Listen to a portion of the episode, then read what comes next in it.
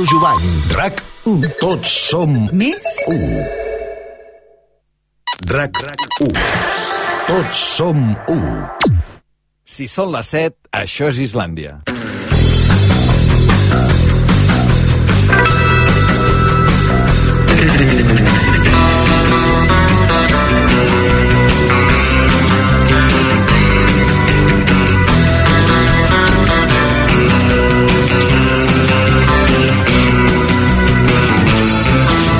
A RAC 1. Islàndia. Amb Albert Ong.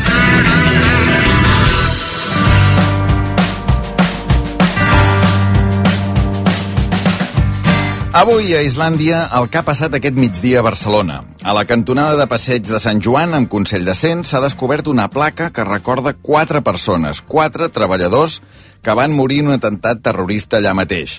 Ara, pot ser que molts de vosaltres estigueu pensant que no us sona de res un atemptat terrorista a l'Eixample de Barcelona i, a més a més, un atemptat que provoqués quatre morts. Doncs bé, el que explicarem avui a Islàndia es va despatxar en el seu moment com si hagués estat un accident laboral, com si hagués estat un incendi. Situem-nos, al passeig de Sant Joan, amb Consell de Cent, hi havia un restaurant espectacle, una sala de festes que es deia Escala Barcelona. Això potser sí que ja hi ha més oients que ho recordeu. Els morts van ser quatre treballadors de l'Escala Barcelona, Ramon Egea, Juan López, Bernabé Bravo i Diego Montoro. Quatre persones que s'encarregaven de la neteja i del manteniment de la sala perquè tot estigués a punt per l'espectacle de la nit.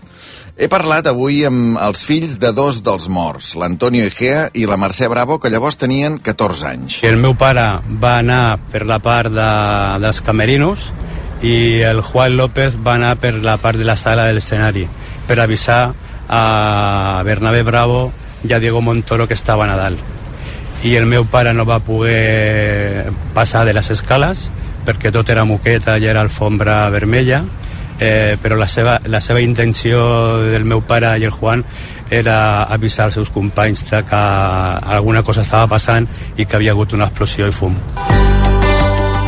De seguida sentirem la conversa completa amb l'Antonio i amb la Mercè, que val molt la pena. Però abans, Marc Ferragut, bona tarda. Hola, bona tarda. Amb el Marc intentarem explicar què era això d'escala Barcelona, què va passar el dia de l'explosió i quin paper hi va tenir en tot plegat un confident policial que s'havia infiltrat entre els autors de l'atemptat.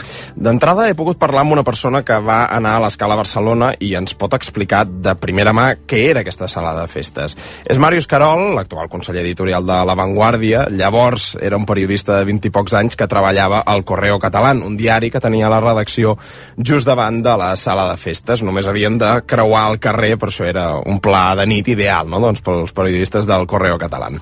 I van uns quants cops i m'ha explicat com era l'experiència que oferia l'escala Barcelona. Era una sala, una sala de festes, molt semblant al que podrien ser, doncs, no sé, el Foli Berger o el Crazy Horse de París. Eh?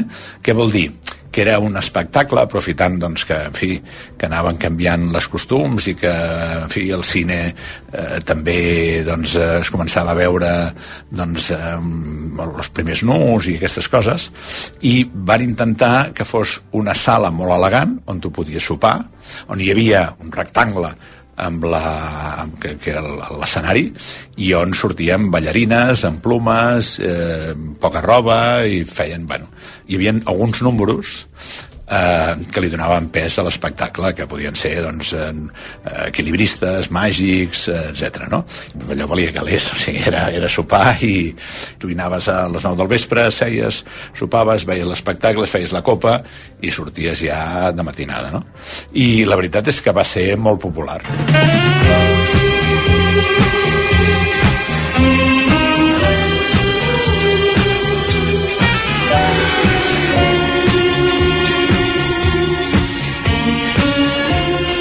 Aquesta era la música que sonava a l'escala Barcelona, concretament és l'inici d'una de les gales que es retransmetien per televisió espanyola. Deia el Màrius que podies acabar de matinada. De fet, avui, en, el, en aquest acte que hi ha hagut, no, eh, hem trobat un veí, un veí que és president d'escala, just l'escala que hi ha al costat uh -huh. de l'escala Barcelona, i recordava que, clar, que a més a més hi havia dos passis, no? que això volia dir que a les dues de la matinada, per exemple, sortien uns i n'entraven uns altres, no? amb tots els sorolls i tota la gentada que us podeu imaginar que hi havia en aquella cantonada de l'Eixample entre Passeig de Sant Joan i Consell de Cent. Sentint el que explica el Màrius Carol, potser us venen al cap els espectacles del Molino, però m'ha aclarit que hi havia diferències importants. El Molino era més còmplice, era una mica més canalla, no? Uh, el, el, el Molino... Um, eh, estava més arrelat de lo que era el, el paral·lel, no? I, i aquest volia ser un puntet més elegant, no? O sigui, no, no, no, no, aviam, a mi m'agradava molt el Molina, era molt més divertit perquè hi havia, interactuaves molt més amb les vedets i les vedets baixaven i aquí hi havia més distància, o sigui, les vedets no, no, no, no feien bromes al públic, es posaven estupendes i tal, això, no? hi havia una certa voluntat de fer un espectacle molt elegant, molt exquisit i de tant en tant hi convidaven doncs, eh, algun cantant conegut que fes eh, que cantés eh, quatre cançons al final i, i, i això d'alguna manera el que li donava el valor afegit no? jo crec recordar que vaig veure un dia el Manolo Otero, que era, en fi, ara això a molta gent no li sonarà, però el Manolo Otero era un senyor que tenia una veu bastant profunda, eh, veu quasi bé de, de, de tenor. Hoy tengo tiempo.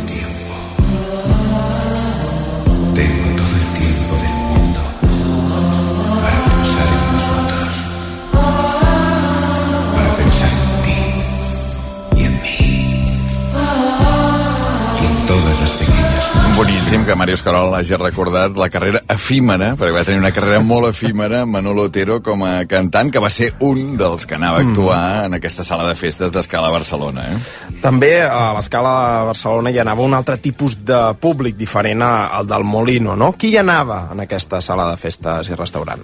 Uh, la veritat és que a l'escala jo crec que anava això, classe mitja, classe mitja alta, eh, anava també allò gent de, gent de comarques que venia a Barcelona i, i venia a passar millor el cap de setmana i volia anar, volia anar a un lloc doncs, eh, doncs per posar-se guapo i, i, i per respirar una mica els, els nous aires que semblaven al final del, del franquisme i en els primers anys de la transició doncs, que semblava que respiraven el país no? Bé, doncs gràcies al Màrius Carol ens ha ajudat a situar una mica què era, què va ser això de l'escala Barcelona al principis dels anys 70. Es va obrir l'any 1973, encara hi havia Franco Viu, quan va començar a funcionar l'escala, sala d'espectacle, restaurant... Doncs bé, aquí hi van morir quatre persones, quatre treballadors en un atemptat al gener de 1978. Ara fet 45 anys. Durant 45 anys no hi ha hagut cap tipus de reconeixement a les víctimes. Avui he parlat amb els fills de dos d'ells, l'Antonio Egea i la Mercè Bravo. Ho he fet instants abans de les 12 del migdia, que era el moment en què es descobria la placa, en què per fi se'ls feia aquest, eh, aquest reconeixement després de tant i tant temps. I aquesta és la conversa.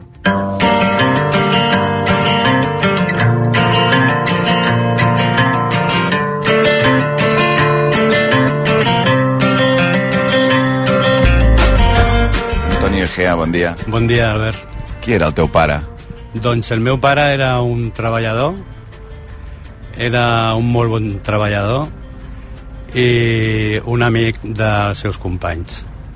Tots trets, el Bernabé Bravo, el Diego Montoro i el Ramon Egea van començar a treballar a la sala de fiestas Escala a l'any 73.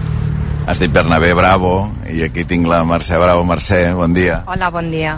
El teu pare era el Bernabé Bravo. Qui era? Doncs, sobretot un gran pare, un gran marit, un gran fill, perquè era molt familiar, un gran treballador, molt responsable, la seva feina sempre... i un lluitador per tirar endavant la família. El teu pare què feia a la sala de festes, l'escala? De què treballava aquí? Doncs estaven en manteniment, neteja, mm, i bueno, doncs eh, el que ha dit Antonio eh, venien d'una empresa que va fer fallida i van trobar feina aquí a l'any 73 i bueno, doncs. Clar, tots dos es coneixien, amics, i juntament amb, amb dues persones més van morir aquell dia de gener de 1978. Antonio, tu saps què va passar aquí dins, exactament? O sigui, el teu pare on, on era en aquell moment, quan, quan va haver-hi l'incendi? El meu pare en aquell moment estava al hall, al vestíbul, a a l'entrada de serveis, Això ho explica el, el conserge o el porter que estava allà, en la garita, i eh, estava allà parlant amb ell i acabant alguna cosa perquè ja era l'hora de plegar quasi i van sentir una explosió i es va trobar amb el meu cosí eh, el marit de la meva, de la meva cosina Juan López Masip i Que també treballava aquí. que també treballava aquí i el meu pare va anar per la part de, dels camerinos i el Juan López va anar per la part de la sala de l'escenari per avisar a Bernabé Bravo i a Diego Montoro que estaven a dalt i el meu pare no va poder passar de les escales perquè tot era moqueta i era alfombra vermella eh, però la seva, la seva intenció del meu pare i el Juan era avisar als seus companys de que alguna cosa estava passant i que havia hagut una explosió i fum. Per tant, un dels que havia d'avisar era el teu pare, que estava a dalt, no? Sí. A tu quina, quina versió t'ha arribat, diguem, del, dels fets? Bueno, això que ha dit ell i doncs el meu pare va estar tres dies fins que van trobar el seu cos. Estava amagat doncs suposo es va refugiar sota d'una escala perquè clar, el tema suposo que era del fum que és molt tòxic. I quan va veure que no podia sortir es va refugiar a sota d'una escala i allà estava el seu cos Clar, però d'això fa 45 anys, vosaltres dos, ara, dos fills de dues víctimes de l'atemptat a, a la sala de festes L'Escala, éreu uns nens, no, Antonio, llavors? 14 anys. I tu?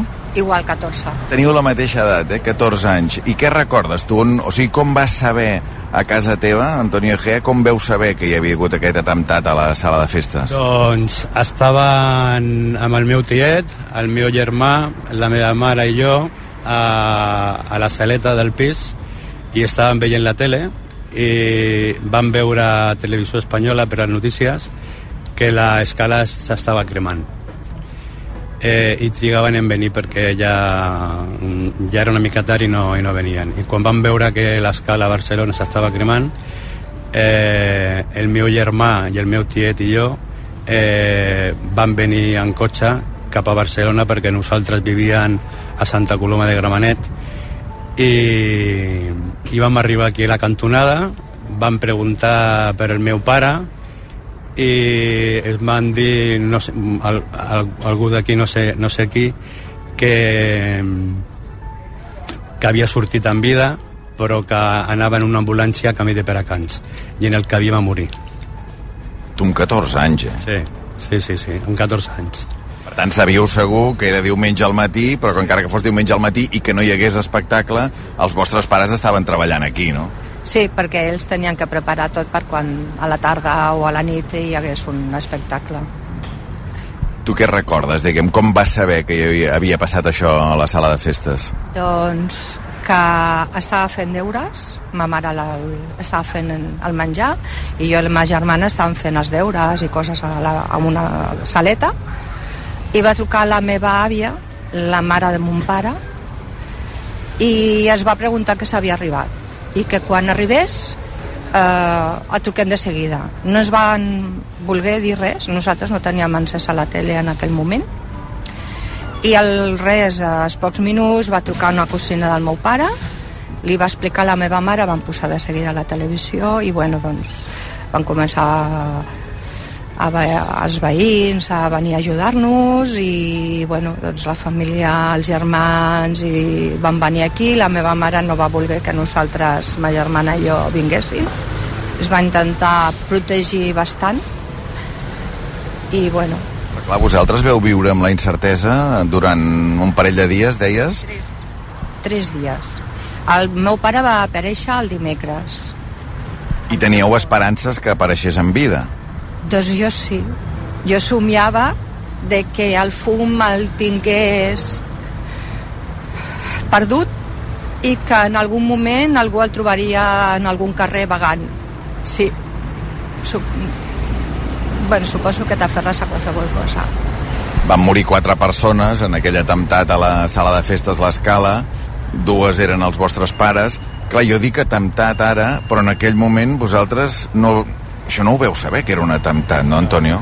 No, nosaltres vam saber per les notícies i per la premsa el, el que deien que, que havia estat un incendi i els primers mesos ho van qualificar no? com, com accident laboral eh, però nosaltres sempre pensàvem que havia una cosa darrere eh, que havia sigut més fort que això però teníem por també de verbalitzar-lo Recorda si veu cobrar alguna indemnització a la família?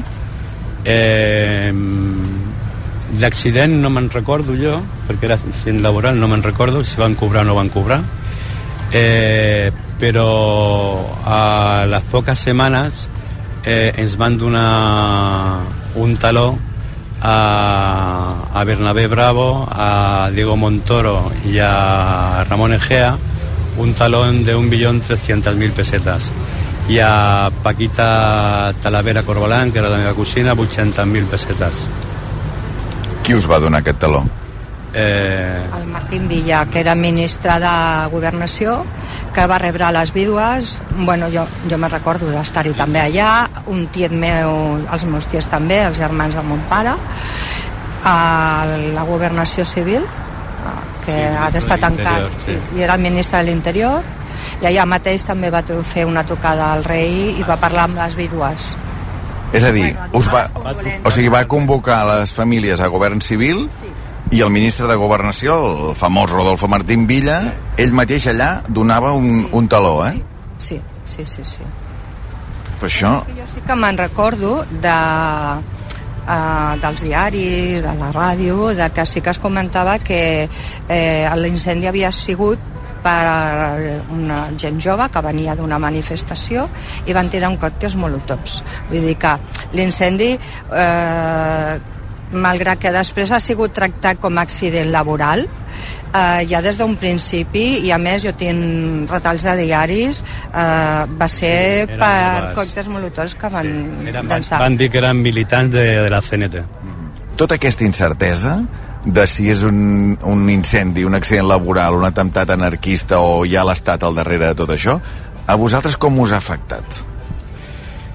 A veure, eh, tothom parla que, que això és un cas molt complex. També es parla que el periodisme d'investigació va esbrinar o descobrir el que has comentat abans de que era un crimen d'estat. És una cosa meva, que penso jo, tampoc no tindré mai la certesa, ja ho sé que no. Mm, ho tinc molt clar, de que també doncs, en aquell moment la CNT era molt molesta.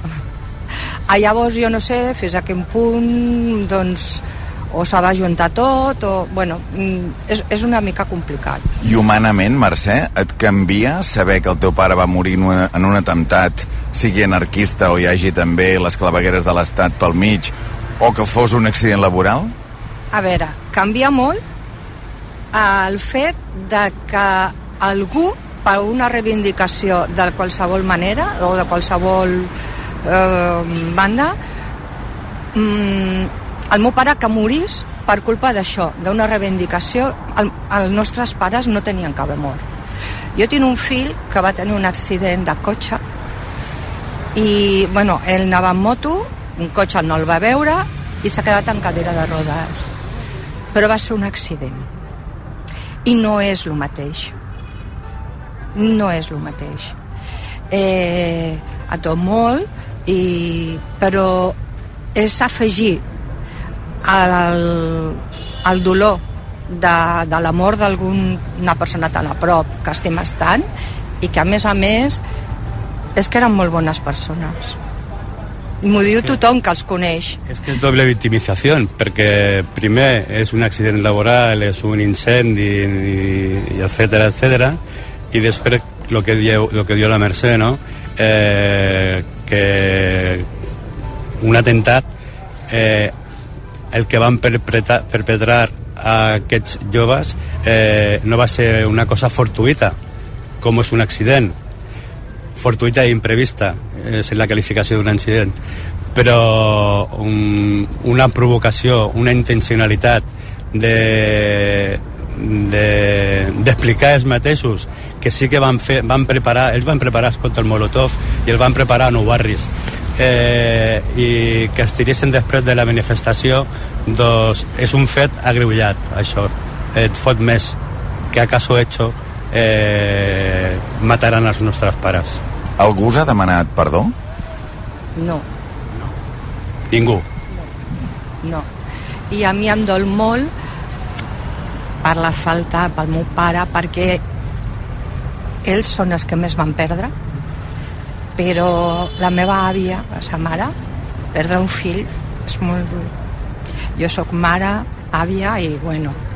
I la meva mare, que jo la sentia ploure moltes vegades per la nit mentre pensava que dormíem, i lo sola que es va trobar la por perquè en aquella època de la transició hi havia molta por a parlar, sempre no parleu, no volia que sortissin a cap mitjà, que ningú no, no es reconeixeixi, tenia molta por per, per nosaltres, per les seves filles i bueno, això és part de la història és, és, és comú això, eh? el, el, la por a, a que ens identifiquessin com a...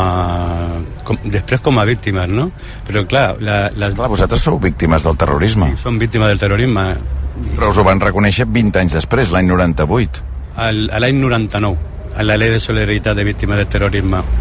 És un doble dolor i nosaltres eh, eh, hem viscut amb, amb dolor, a, a Merida i, i, jo crec encara no ha cicatritzat aquesta ferida eh, perquè va ser una pèrdua molt important i més tenint en compte que per exemple que en aquells temps eh, nosaltres no van rebre atenció ni social ni psicològica com ni, ni avui tampoc no? jo des d'aquí eh, demano a l'administració competent eh, o que li incumba que en casos com aquests de terrorisme que, que no està tancat encara i tenim l'atemptat 17, 17 agost a les Rambles que la part assistencial i psicològica eh, que forma part d'un recurs eh, de l'administració.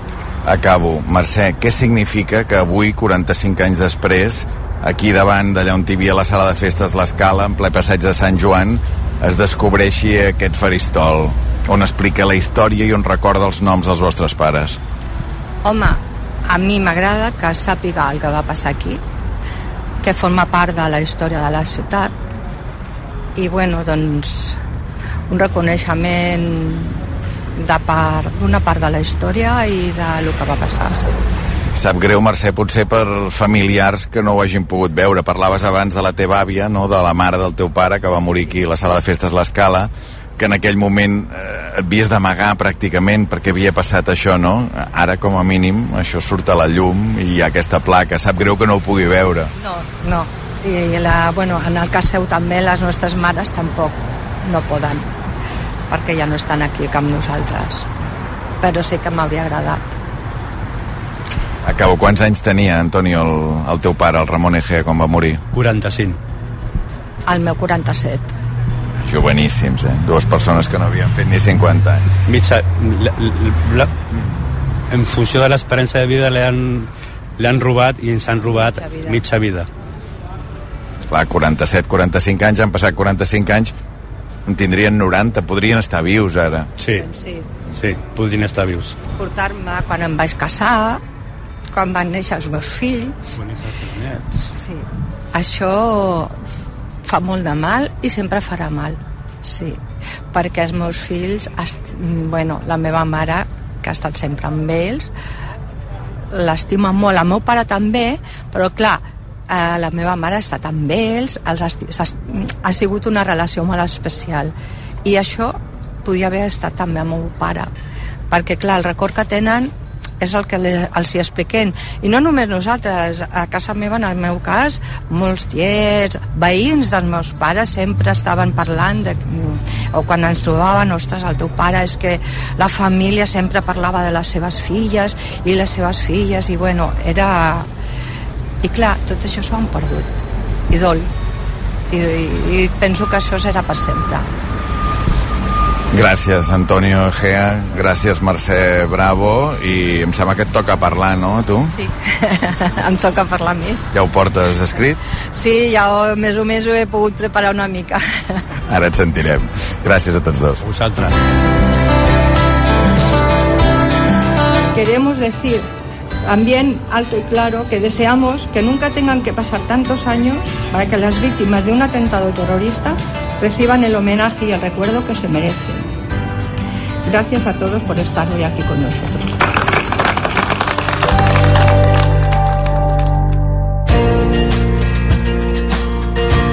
Doncs ja ho sentiu, així s'ha acabat el discurs de Mercè Bravo, la filla de Bernabé Bravo, un dels quatre morts a l'atemptat de l'Escala a Barcelona. De fet, a l'acte d'aquest migdia també ha acabat parlant l'altra persona amb qui conversàvem, que és l'Antonio Egea.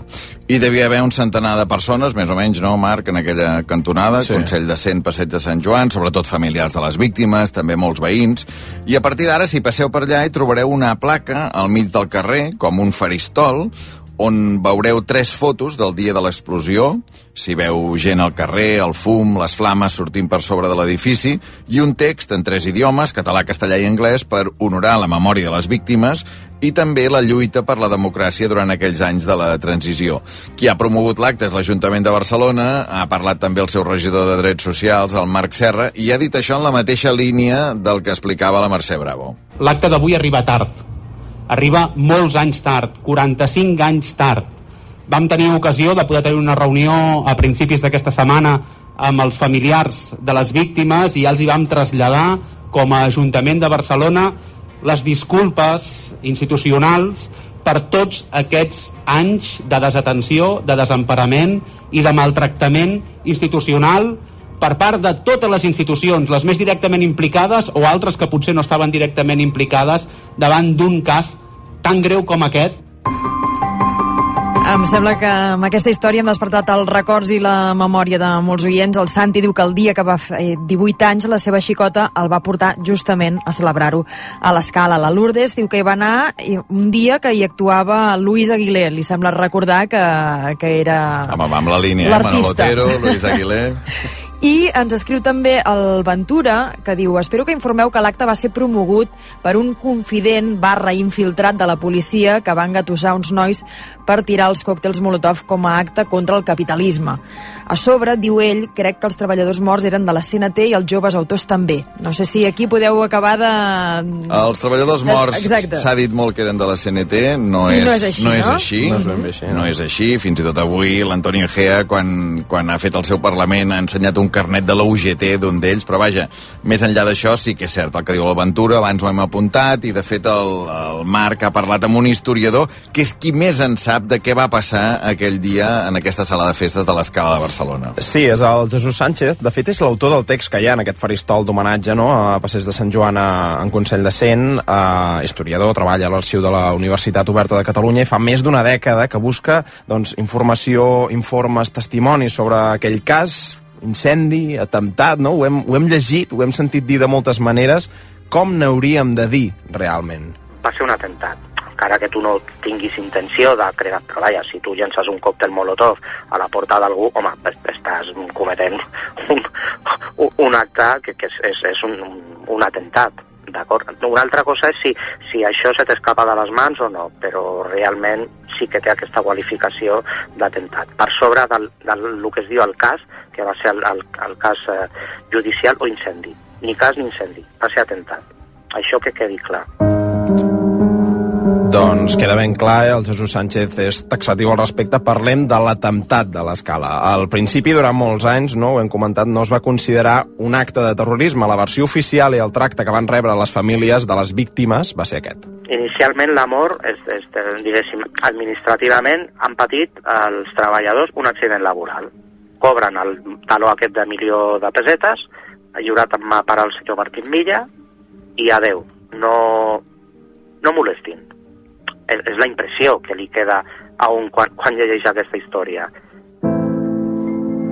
Clar, de fet, una primera sospita eh, és que si és un accident laboral, com és que el ministre de Governació, el ministre de l'Interior de l'època, Rodolfo Martín Villa, es vol reunir, que ens ho explicaven abans també els dos fills, no? Sí, es vol reunir amb ells personalment i els hi dona personalment un taló i a més a més ho pacten i ja ho coordinen tot perquè el rei també truqui. Dius, hosti, eh, si és un accident laboral, si és un incendi, com n'hi ha hagut tants d'altres, segurament no hi ha intervingut aquí el ministre Martín Villa. Crida, crida molt l'atenció això, com tantes altres coses, eh, de- d'aquest cas, de, dels fets d'aquell aquell diumenge, no? Recapitulem amb el Jesús Sánchez. Uh, recordem, la CNT havia convocat una manifestació en contra dels pactes de la Moncloa, no? que era el gran acord que incluïa partits polítics i sindicats, uh, que havia de servir per engegar no? reformes a nivell social, econòmic i polític, doncs uh, això de, principi de la transició espanyola. I la CNT, que en aquell moment tenia un suport popular important, estava en auge, en renega d'aquests pactes de la, de la Moncloa. Jesús Sánchez detalla com va anar aquella jornada de protesta. La manifestació, de fet, va ser com moltes de les que es produïen a, aleshores amb, amb certa atenció, però no, no va passar gaire cosa més rellevant que la que era per costum que, que passés. La manifestació es va desfer, van ser una sèrie de, bueno, de, de joves que van assistir a la manifestació, això està provat, i que ja prèviament preparats per un infiltrat de la policia eh, pensaven llançar uns còctels molotovs a la porta de la sala de festes a escala. Mm, no té cap sentit. La manifestació és el que, el que era l'Avinguda Marquès del Duero, actualment paral·lel, acaba a plaça Espanya i se'n van dos quilòmetres i pico més enllà, a Passeig de Sant Joan, a Consell de Cent, a llançar aquests còctels, sense saber de, de que quan llançarien els còctels o ho van calcular malament o allò estava preparat per incendiar-se. Per això mai, mai s'ha pogut eh, provar.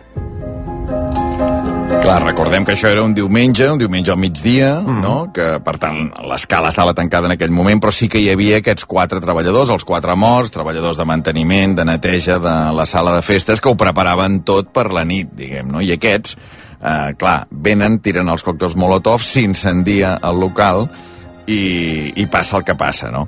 Aquí ha sortit ja, eh, l'historiador Jesús Sánchez ens deia això, no? Instigats, preparats per un infiltrat. Un infiltrat que anem a veure qui era, no? Ha anat, ha anat sortint, eh, aquest infiltrat es deia Joaquín Gambín i tenia aquest perfil. Joaquín Gambín era un lladre de, de baixa estofa um, i feia treballs per fer xivatassos a la, a la policia, una policia que, recordem, eh, bueno, tenia tota una sèrie de, de comissaris eh, franquistes, treballava per fer, mm, bueno, per fer-li feina bruta, de claveguera, d'informes, de... però bueno, també es buscava la vida atracant, atracant bancs, eh, traficava amb armes, va quedar provat que, havíem, que, que sí que va treballar per, per la policia, va estar en contacte amb, amb, amb les persones encausades i els va estar preparant durant els dies anteriors a, a, a, bueno, doncs, a fabricar el còctel Molotov, que hem, hem d'atentar contra la sala, eh, hem de llançar això contra la, la burgesia i la sala de festes escales ho fa molt bé, és a dir, els va induir a que cometessin un atemptat.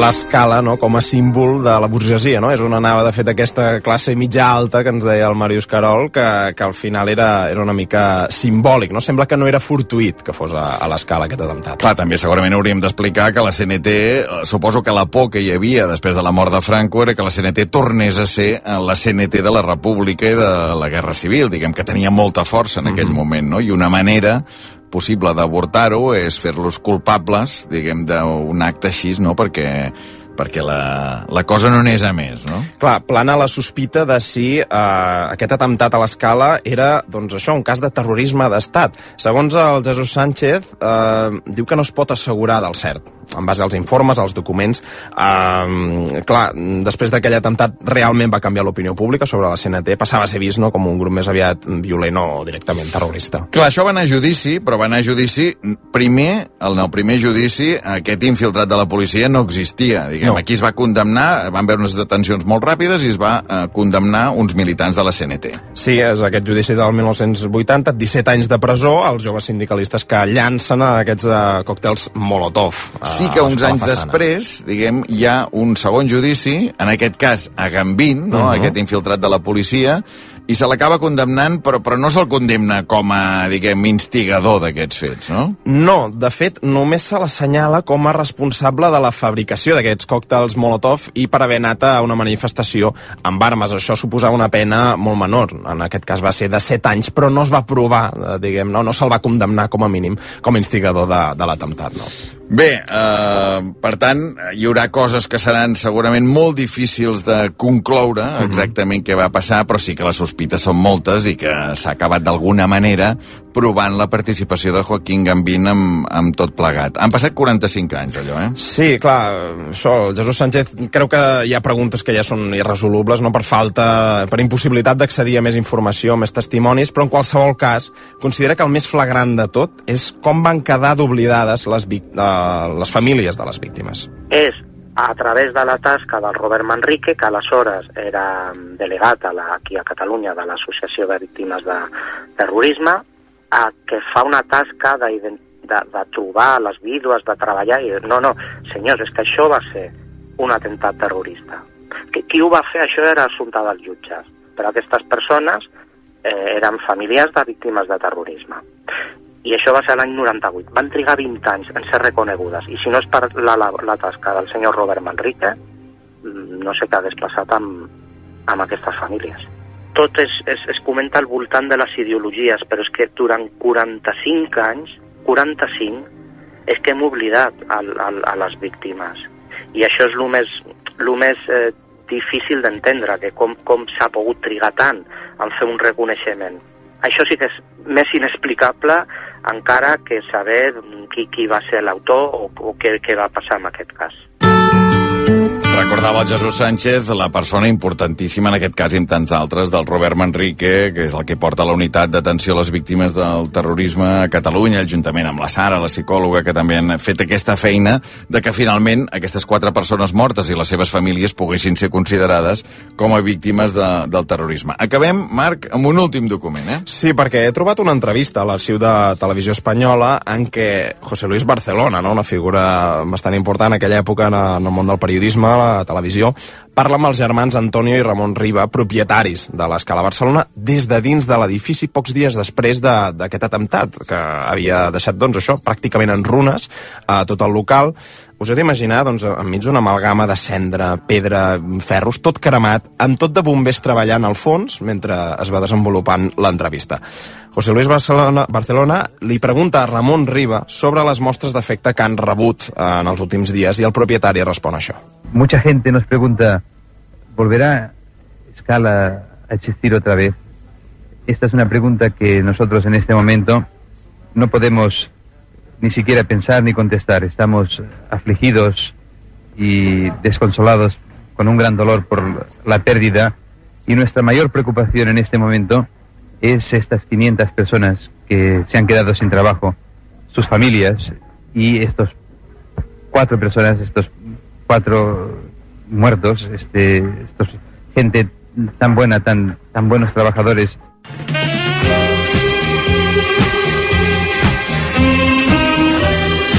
Clar, en aquell moment, com deies, Marc, acabava de passar hores només de, de l'atemptat. Els germans Riba encara no sabien si tornaria a obrir o no tornaria a obrir. L'escala havia obert 73 fins a l'atemptat del 78. Va passar temps, però van tornar a obrir. Sí, sí, sí, l'escala va tornar a obrir, aquesta música va tornar a sonar, no? Uh, L'1 de desembre del 1984, gairebé, doncs això, set anys després de, de l'atemptat, van decidir derruir uh, l'edifici i edificar-ne un de nou allà mateix. Doncs justament ens escriu el Freddy Freixas que ens explica que el seu pare era el metre de l'escala en aquest local i que ho va ser abans de l'atemptat mm -hmm. i després, ara que ho deies, el 1 segona de desembre del 84 que van reobrir, també va continuar sent eh, el metre, que no sé si devia ser fàcil o no pels treballadors que ja hi havien estat abans també tornar a treballar eh, en aquest local. A I el 91 va acabar la història definitiva de l'escala a Barcelona. Actualment en aquell solar hi ha un edifici de pisos i si passeu per davant d'aquesta cruïlla de l'Eixample, passeig de Sant Joan amb Consell de Cent, trobareu aquesta placa en record de quatre persones, de quatre treballadors que es deien Ramon Egea, Juan López, Bernabé Bravo i Diego Montoro. Islàndia. amb Albert Ong. Com menys et costa aquest gest, menys li costa al planeta. Amb Aquària, l'aerotèrmia de Panasonic, estalvies en calefacció, aigua calenta i refrigeració, i li estalvies al planeta. Ara, amb servei de manteniment anual. Aquària de Panasonic. La teva llar estalvia. El planeta, sento, necessito més espai. Ho entens, oi? Allà et cuidaran molt bé i et trobaran una nova família. Són de confiança. Són d'aquí. Comprem el seu cotxe.cat. Taxació online gratuïta. Millorem la valoració que et faci el concessionari. Paguem al comptat en menys de 30 minuts. Comprem el seu cotxe.cat. Som de confiança. Som d'aquí. RAC més 1, podcast. RAC més i Nando Jubany presenten Mengem Cultura, un podcast sobre la història de la gastronomia. Els avis de la cuina catalana parlen amb Nando Jubany per explicar-nos l'origen d'alguns plats i curiositats poc conegudes. Jo penso que l'Escudella, eh, en aquests moments, la societat catalana l'ha canonitzat, l'ha fet santa. Carme Ruscalleda, Joan Roca, Oriol Castro i Eduard Xatruc del Disfrutar o els Fratelli Colombo seran alguns dels protagonistes de Mengem Cultura. La pizza es catalana, tú lo sabes. Tú saps que la pizza la vam inventar els catalans. Desde que vengo aquí es todo català, hasta la pizza. Mengem Cultura, perquè com diu Fermí Puig... L'acte de cuinar en si mateix ja és un fet cultural. Escolta-la a l'APP de rac i a rac Amb Mengem Cultura sabrem per què mengem el que mengem amb Nando Jubany. RAC 1. Tots som Més 1. Islàndia, amb Albert Ong.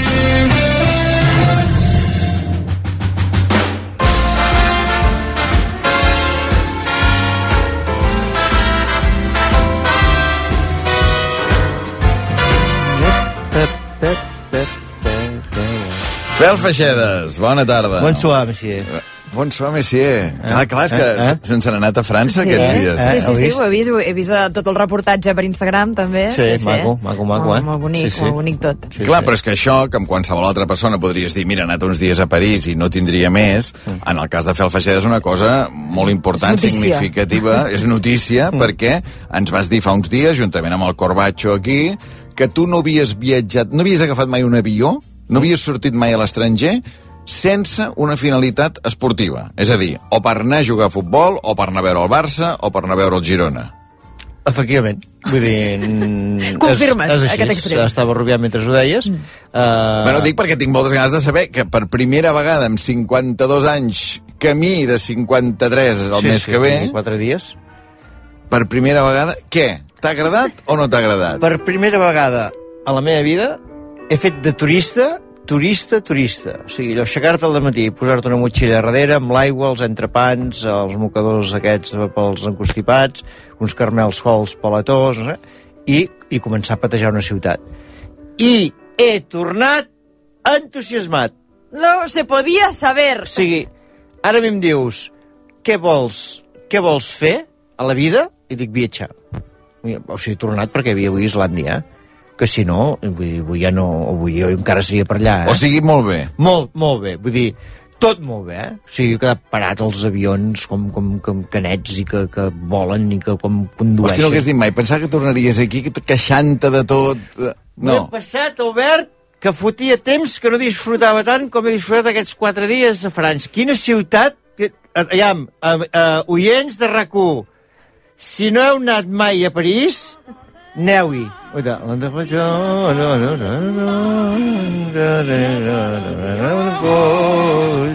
Ja et veig, eh, per allà, Ah, amb Montmartre, hòstia, ballant, hòstia, amb la Irene... Bueno, bueno, que Éreu tots quatre, no? Hem anat amb canalla, eh? La dona i el... Sí, sí, sí, sí hem anat a, amb la dona que treballa a Girona i, i, i els dos fills, i la veritat és que han sigut quatre dies meravellosos. Jo des d'aquí, a la gent que com jo digui, ah, viatjar per què fer, jo ara ho he descobert. Vull dir, mira, m'he comprat, això que quedi aquí, m'he comprat un, un plano del món, no, no saps, un... Una, una bola del món? No, No. no. Ah, Un no, sí, per, un, fa, un, fa, un fa, pòster, diguem. Sí, fa 3x3. I el teniu a l'habitació? I ara me'l penjant a l'habitació. Ah, i, es, i vas posant xinxetes. I ara n'hi he posat... La primera xinxeta l'he posat... Oh, però, a veure... Aquest de matí he posat la primera xinxeta de moltes que vindran I, i bueno, clar, ja em diuen, hem de plantar això aquí al quarto, clar, 3x3, de tot un mapa mundi d'aquests grossos, però molt maco. I ara m'ho imagino, persona que vagi a casa amb fel ja el farà entrar a l'habitació. Vols Mira, mira, vols veure a tots la els llocs? la vols veure a tots els llocs on Sí. he estat No, del no, món? sí, sí, passa, sí, passa. passa, passa, passa, No, passa, esperat. No, no, i ara he fet un prestatge i ara faré un Hoffman, saps? Un àlbum. Sí, un Hoff- àlbum, un Hoffman, àlbum. Un Hoffman d'aquests, un àlbum d'aquests que es fan així Ah. per internet, amb totes les fotos, i llavors si vens a casa obert un rato, ens sentarem allà, et posaré un, un, un te, farem un te, un, que faran, o un, no sé què, un vi francès, a mi que tinc un vi, i t'ensenyaré totes les fotos que tinc i podem estar dues hores tranquil·lament. Du soir au matin, alors je t'ai accompagné, on a chanté, on Hosti, a que no me dansé. l'esperava aquesta, eh? Pensava ben bé, mira que sembla que et conec i encara no et conec. No, no. Pensaves que tornaria Sí, fastiguejat. sí, sí, que torni fastiguejat, que no l'enredaran més, que no... I no, no, escolta'm... També, també val a dir, o sigui, suposo que també hi fa molt el fet de marxar amb els fills. Una mica, des de la pandèmia, que vam tenir la sort de que no ens passés res dolent i que vam viure aquells mesos tancats a casa i compartint tanta estona amb, el, amb, el, amb, amb la família dinant i, i, i sopant, doncs ho hem repetit aquests quatre dies, no? però més tots quatre com... Sí que és veritat que la meva dona és la més veterana. Ella havia anat molts cops a París, ens ha fet una mica doncs, el, el, el dibuix diari del que havien de visitar, el que... aquest fet de passar-nos tantes hores junts suposo que també ha ajudat a que m'ho passés tan bé, no? I jo La no... selecció musical és teva, tot el que estem sentint, o què? Sí. Sí, sí, sí. Això és... No me'n recordo els noms, però... No, sí, sí, Però què no. te'l vas sentir allà en algun... A, a, sota de la Torre Eiffel devia haver-hi algú que tocava l'acordeó. Allà, eh, jo, mira, això, això sí que... Ui, aquest, aquest micro et fa el burro, Vols deixar eh? de trucar, Sí. de tocar el Hola, micro? Hola? Hola, sí. Això amb una ràdio... Eh, Canvia el serà per micros aquí, Sí, escolta. exacte, tenim molts micros, però has anat això a agafar... el amb una ràdio Ara. francesa no els hi passa mai. No. Estic convençut, eh? Doncs eh, vols creure que aquí a Barcelona vas pel carrer i hi ha molta gent tocant i, i suposo que és el dia a dia que vas i no acabes donant res. Allà, músic que trobava... Euro que donava. Els meus fills em van dir sempre fas el mateix? Dic, mira, estic extraordinari. Aquests quatre dies estic com en un estat i, i va, bueno, vaig aguantar la cultura francesa que cap setmana l'he aguantada jo, eh? Amb els meves... Vols deixar de, de, de, el moure el micro. micro, Sí, sisplau? és que no, són Sembla molt alts. Jo és que no us veig, són molt alts, i com que jo sóc petit em quedeu a darrere el micro, i per això el sembla que l'hagi d'apartar. Jo, si et sembla, el que he fet, Albert, ha sigut preparar una mica un, un m'ha agradat, no m'ha agradat de, de París. Que si... Bueno, per això està reservat a Xavi Bosch en aquest programa, eh? Sí, bueno, ja ho sé, però vull dir que... Hòstia, ja, Xavi Bosch, jo... Hòstia, vull dir, fa molts anys que ens coneixem, el senyor Bosch, eh? Si ara, ara no ho faré, perquè no estem... Si ara el truqués i el senyor Bosch fot un m'ha agradat, no m'ha agradat, estic segur que, cony, que li fotria il·lusió. És com si ell un dia ve aquí a explicar bestieses. bestieses. No em sabrà pas a greu. no et sabrà greu, A mi no em si, sabrà perquè greu. tu el que fas, si et diuen què fas a la ràdio, tu? És, és el que diu el meu entorn. Explica Què vas explicar bestieses. bestieses avui a la ràdio? Explica. Saps? Llavors, per explicar la meva secció és quatre bestieses. Per tant, si em diu el senyor Bosch, i fer com feixades i explicaré bestieses, jo... Quan... Però quan dius que vols fer un m'ha agradat, no m'ha agradat, vols dir que soni la sintonia... Home, per favor.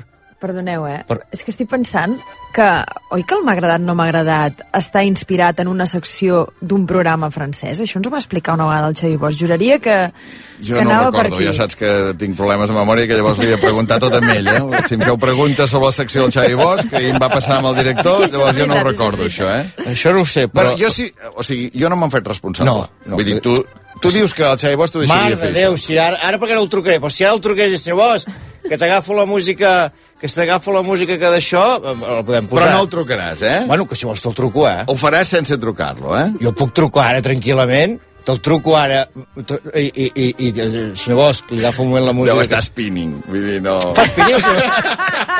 Sí, sí, es faltaria. Home, si es repeteix la trucada de la Irene de- l'altra vegada amb el Xavi Bosch, ja... Doncs jo, si us sembla, això, m'agradaria una mica de música. M'agradé, Eh, no m'agradé. M'agradé, no m'agradé.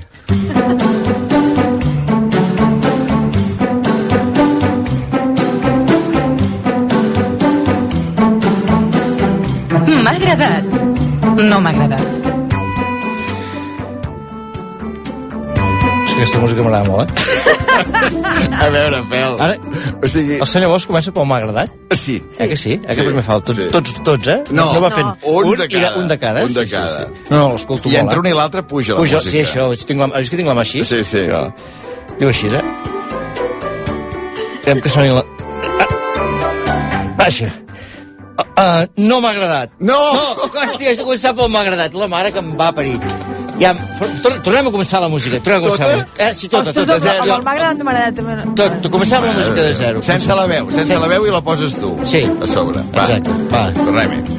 Torna a posar, del començament. Torna a començar. És que, que... Ara. No, no ha començat. No ha començat, no, no, no, no. Des del començament. Des del començament. Para-la i ara des del començament. Fotem-ho bé. Hòstia, no em distraieu.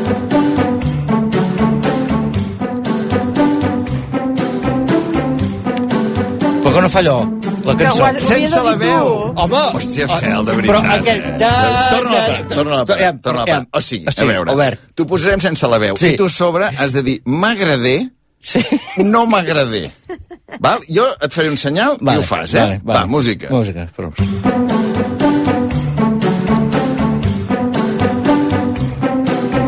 M'agrade, no m'agrade.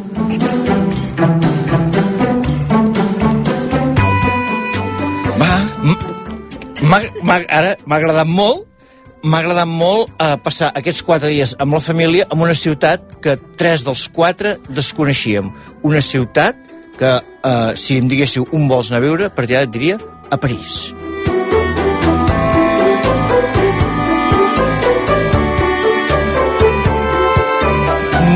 No m'ha agradat, no m'agradé el, el, el batebús, que tu em diràs... El, mate... El batomuix? No, el batomuix no. Ah. Vam anar al batobús. Perdona? No, no. O sigui, hi ha el batomuix, que el batomuix és aquell barco que volta pel riu, que et fot tota una volta, i hi ha el batobús, que fa més servei de taxi pel riu. Llavors hem dit que fem un autobús i de passada, collons, arribem a Notre Dame. Però noi, allà baix, vas ensorrat a baix al riu, amb una tapat, amb una color que fotia allà dins, que només veus la paret del, del, del riu, que allò, més que el, mato, el batobús, és el, el, el, el, bato, el batomox, és allò.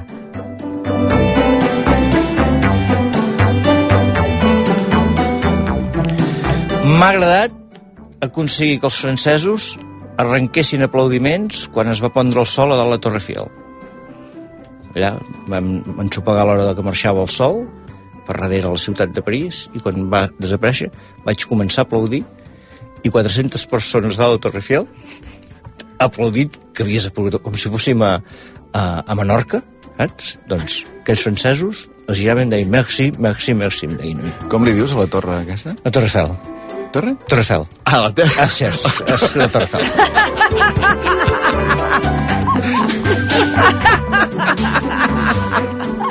La Torre Eiffel. No m'agrada, no m'agrada, que, que, que ja ho entenc, eh? però que Notre Dame estigui... Clar, està, està, no, no veu res. Vull dir, està, se'ls va cremar, pobra gent. No sé si ho sabíeu, us havíeu entrat? Sí, sí, sí. Doncs se'ls va cremar. En directe ho vam explicar, això. Sí, doncs... Uh, clar, anem a veure la Notre Dame, la meva dona anem a veure la Notre Dame, anem a veure la Notre Dame, i arribem allà, collons, unes vestides allà de gent treballant, i, i, i, i bueno, és que res, és que vam, tot, vam anar a correcuita, vam, vam agafar l'autobús per anar a veure Notre Dame, i quan vam arribar allà no hi havia ni Notre Dame ni la mare que va parir res.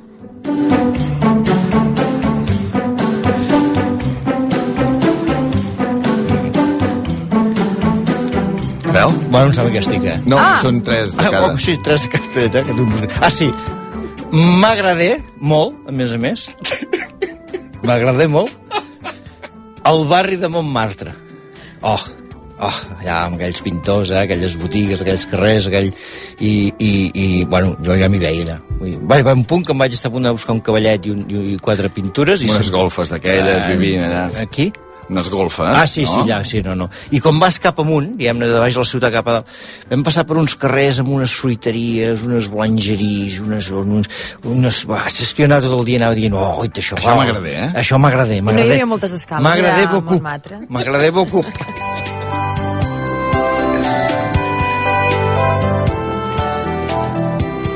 I no m'agrada que l'únic dia que potser a París van viure un partit històric amb un gol de Messi al minut 90 no sé quan, amb 3 o 4 que no, hi vam, no havíem comprat entrades per anar-hi No veu anar a veure el PSG No vam gol de Messi a l'últim No minut, vam eh? anar al PSG. Vaig pensar que ja n'hi havia prou de futbol a casa meu. I llavors no vaig comprar entrades i el meu fill se quedat i diu, hòstia, avui haguéssim xalat, eh? Ara has de marcar bé al final, eh, pel Ferrus. Per tant, jo dic, si aneu a París, disfruteu la ciutat i deixeu estar el futbol.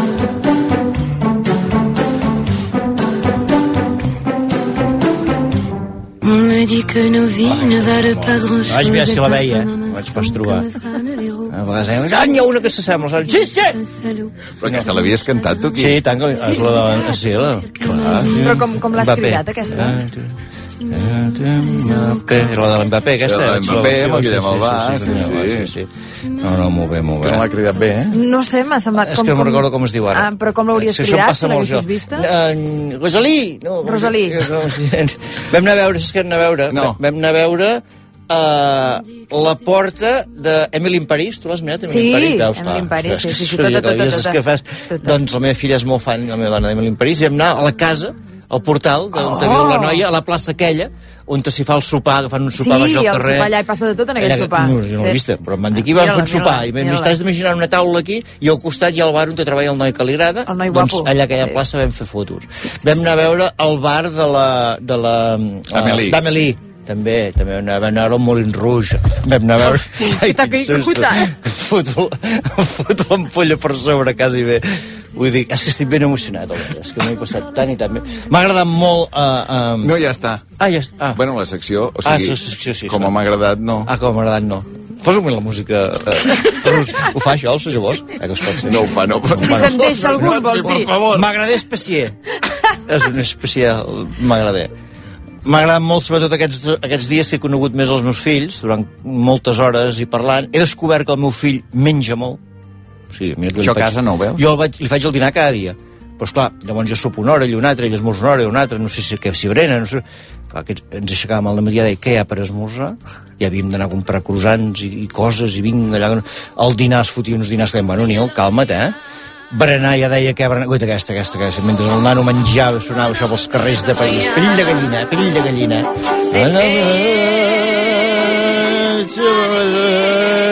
Us he portat regalos, eh? Ah, sí? home. És que, eh, quants anys fa que vinc aquí? Uns quants, ara ja no Us he portat mai res? No, mai. Aquest viatge m'ha canviat. Home. Aquest viatge m'ha canviat. I jo els he posat una cosa ai, ai, ai. que els hi fotrà molta il·lusió. N'hi ha una per cada un, però així es mostra així com de símbol. N'hi ha una per cada un. Saps que vaig estar a punt de comprar-me Home, per favor, explica què és. Això és una Tour Eiffel, eh? una Tour Uh, d'un clauer, per posar les claus, eh? d'un color daurat. Boníssim, és, boníssim. És una cosa, això es fotrà molt servei. Preciós. I hem un Un clauer de la Torre Eiffel. De la Torre Eiffel. Això és molt pràctic, portar-lo a la butxaca. que si s'ha de forar els texans. Però uh, vaig pensar a la gent de, de rac que sempre es queixen que no tinc detalls i que no els hi porto Però coses. quants n'hi ha aquí dins? Collons, n'hi ha molts. eh? Ah, per tot l'equip? Sí. Hosti. És brato, eh?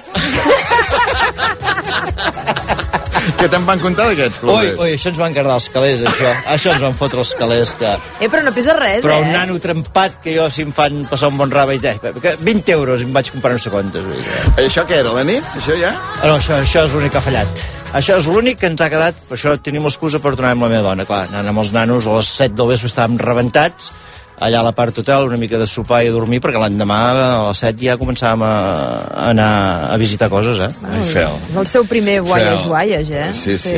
Això... No, no, viatgeu, eh? Viatgeu molt perquè es coneix món i, bueno, m'he tornat molt més... vull No tenen res, et donen de tot. Ah, no, no, t'ho donen de tot. la gent allà, molt, els veus allà, com els dius hola i ells ja, bonjour, bonjour, ui, ui, ui. No te'n vagis, Fel, no te'n vagis, que he de fer una pausa, però escolta, gràcies. Eh? No, home, ja ho sabeu. Ja A mi em sabeu fa molta il·lusió. Aquestes Molt, coses. Molta, molta, molta il·lusió.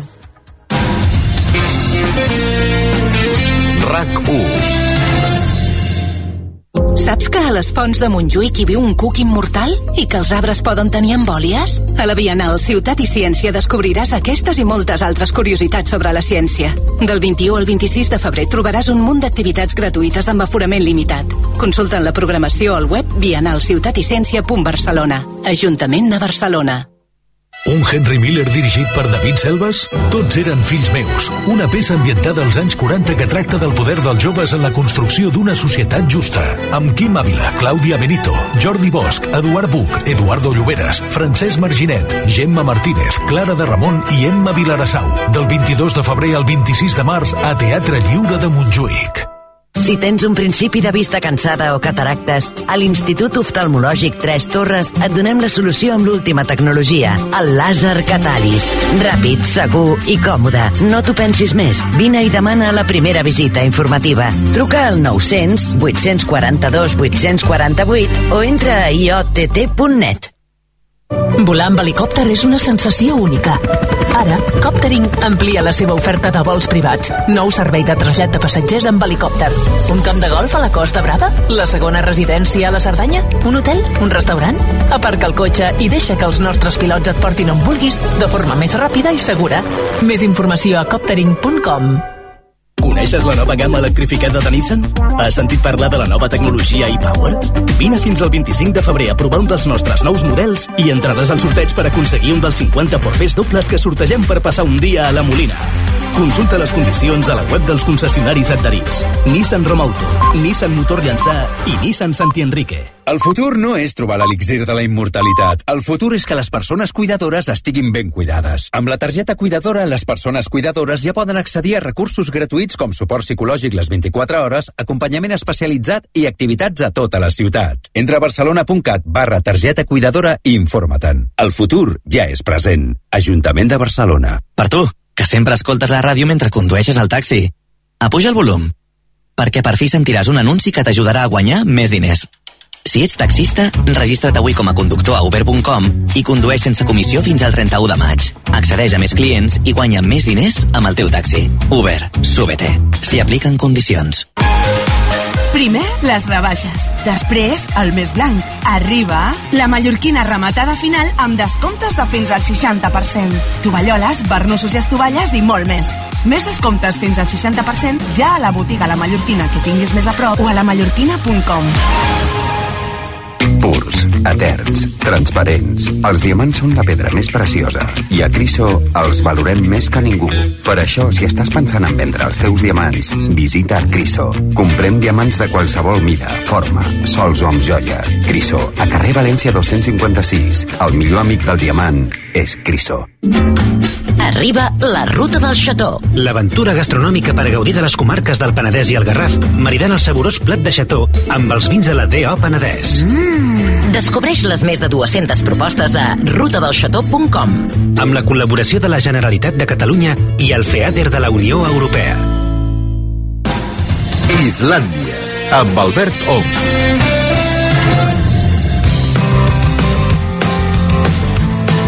Tornen els Premis DRAC de rac Torna el DRAC que reconeix iniciatives, idees, projectes i persones que han fet millor la nostra societat l'últim any. Un jurat, ja ho sabeu, escollirà el guanyador en quatre Saben categories. noms de jurats? Se sap qui és? un- un jurat, Sí, mira, que hi ha, un, hi ha una persona en aquesta taula que és jurat. Qui, qui Cony. creus que és? Tu, Albert, de jurat, Sí. tu? Hòstia. Sí. Doncs L'any passat ja ho va ser, eh? la primera edició, doncs aquesta Xavi segona Bundó repeteix. I Mònica Jordi Usart. Bosch, Mònica Usart, Laura Fa... La Natàlia Sánchez. Enric Sierra... No, no m'ho han dit, com és? No t'han dit res? No, és tot el raó, el director, que no hagi peixat, fotem-hi Jo peixat. crec que de cara a l'any vinent Jo segur que sí, hauràs d'escollir entre aquestes quatre categories, veu de l'any, innovació, sostenibilitat i històries amb amb ànima, però atenció, perquè els oients, vosaltres, decidireu qui s'endú el premi a la categoria Tots som u. Aquí no hi tenim res a veure el jurat, eh? Aquí Ja, són els oients. ja, aquí, va. Aquí ja Candidats. pots, pots votar tu també, Fel, Sí, sí, si vols. ja. Els candidats són Antònia Font, Mitchell, l'entrenador del Girona... Home, sí, home, sí, que fotré campanya per aquest, eh? Sí. Ja us aviso Ah, ara. Però espera't que encara no saps els Sí, altres. sí, sí, però aquest és del millor que hi ha últimament. Carla Simón, Bueno, bé, Chanel Terrero, no està pas malament. Gerard Piqué, Prou bé, eh? Laia Costa, Ja ha fet coses. la influencer...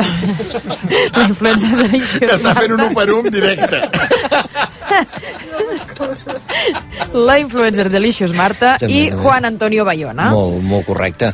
Però com Mitchell, vull dir, perdona. Eh? O sigui, el teu vot és per Mitchell, home, eh? Home, teu vot el és per Mitchell. I tot el... Bueno, tot- començo a fotre campanya, ara hi ha un home que ha canviat la vida de no sé quants mils de gironins, vull dir que ens està portant a les cotes més altes d'alegria que mai hem viscut a Girona. Vull dir, vaja, Ja prou, ja està. Val. Vull dir, perquè poden, la la gent campanya. pot votar per, per algú altre que no sigui el Mitchell. Val, val. Podeu anar a raco.cat i podreu guanyar, atenció, si participeu, una tauleta electrònica. Tot plegat amb el patrocini de CaixaBank, Kia FIAC, Assegurances i Unió Su- Suïssa Joiers i amb Mm. el suport de la Generalitat de Catalunya. Bueno, ja, que va... Amb la gent que paga només una tauleta, jo, jo trobo poc, eh?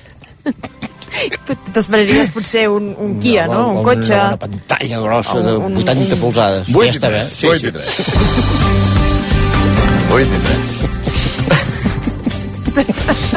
Joan Torres, bona tarda. Bona tarda. Va, que ens posem al dia. Avui Vladimir Putin s'ha fet un bany de masses per celebrar l'aniversari de la invasió a Ucraïna. En un acte totalment prota- propagandístic, el president rus ha elogiat els soldats que lluiten al front d'Ucraïna i ha qualificat aquests territoris de fronteres històriques de Rússia. Сегодня при защите Avui, defensant els nostres interessos, defensant la nostra gent, territori, idioma, cultura, tot el nostre poble està defensant la nostra pàtria. M'inclino cap a vosaltres. Us felicito en el Dia del Defensor de la Pàtria. защитника Отечества. Tot i això, els mercenaris que lluiten per Rússia avui han denunciat que Moscou no els envia municions. El propietari de l'empresa que el representa ha acusat literalment el Kremlin de voler-los aniquilar. Mentrestant, des de Polònia, aquesta tarda, l'OTAN i Joe Biden han tornat a fer pinya i han assegurat que no permetran a Putin continuar agredint països europeus. Per cert que Espanya ha anunciat que enviarà els primers sis tancs Leopard a Ucraïna d'aquí a un mes. I els Mossos investiguen com a suïcidi el cas de les bessones de Sallent, al Bages, que ahir es van llançar des del balcó de casa seva. Una de les dues nenes de 12 anys va caure, eh, va morir en caure, mentre que l'altra continua ingressada a l'hospital en estat crític però estable. La hipòtesi principal de la policia és que es volien suïcidar i és que han trobat dues cartes que elles mateixes haurien escrit i les dues cadires on s'haurien enfilat. Segons la Vanguardia, podrien haver sigut víctimes d'assetjament a l'institut. El diari cita familiars de les nenes que expliquen que alguns companys es burlaven del seu accent argentí. El Departament d'Educació, però, nega aquest escenari. Les dues, això sí, rebien atenció psicològica al centre. L'Ajuntament de Sallent ha decretat tres dies de dol oficial i ha suspès tots els actes de Carnaval. Recordem que les persones que tinguin pensaments suïcides poden demanar ajuda als telèfons 061 i 024. I acabem un reportatge multimèdia del periodista de La Vanguardia Xavier Aldecoa guanya un dels Premis Ortega i Gasset. Sí, el de la millor cobertura multimèdia. El reportatge, que es pot consultar al web de La Vanguardia, descriu un viatge des de l'inici fins al final del riu Congo, un recorregut de 4.700 quilòmetres. S'atura en 8 llocs, a cada un dels quals es dedica un capítol. En parla el mateix Xavier Aldecoa. Segurament és el que més anys porto somiant des de molt petit, eh, navegar el riu Congo des de les fonts fins a la desembocadura. La intenció era explicar una regió que crec que és l'essència del continent africà, que es resumeix en una història mm, d'expoli, d'abús, però també unes cultures fascinants, El jurat dels premis que dona el diari El País ha destacat un relat molt ben construït en què tots els elements multimèdia encaixen a la perfecció, així com l'alta qualitat dels textos, fotos i vídeos. Els guardons també han reconegut el, reconegut el fotoperiodista Santi Palacios, la trajectòria del periodista Martín Caparrós o el diari El Faro de El Salvador. Gràcies, Joan. Que vagi bé. I els esports, Roger Saperes, bona tarda. Hola, bona tarda. Saperes, què dius, Saperes? Tot bé, i vos? No bé, aquí, no, Sí? escoltant què dius. Haurem de votar Mitchell? Home, per favor. Bueno, Explica-li, Fel, explica-li amb el Roger on eres ahir a la nit durant el partit Liverpool-Madrid. Ahir pujava l'avió, Sí. sí. tornava de París, Sí. i amb el meu fill, que és molt futbolero, eh, em diu, papa, Madrid 2, eh, el Liverpool 2, Madrid 0. I dic, bueno, bueno, bueno. Dic, això encara pot acabar 2 a 5. Comença a aixecar-se l'avió, comença a aixecar-se l'avió. Mòbil parat, no? Tot Mòbil això. parat, eh, enterrem a Barcelona, es comencen a disparar grups de WhatsApp, en tinc un que es diu Futbol i Tex, comencen a veure insults i a veure molta mala llet, miro, 2 a 5.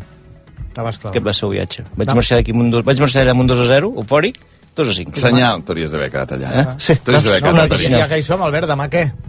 Uh... El Barça què? Tira, tira. Tiro. Tira, tira. tira, tira. Ha parlat Xavi, eh, Roger? Sí, fa ben poca estona, una roda de premsa que ha acabat poc abans de les 8. Ara tenim ja la Marta Ramon a Old Trafford, pendent de l'entrenament del Barça, que estava previst a les 8 del vespre. Marta, bona tarda. Hola, bona tarda. Com l'has vist, a Xavi?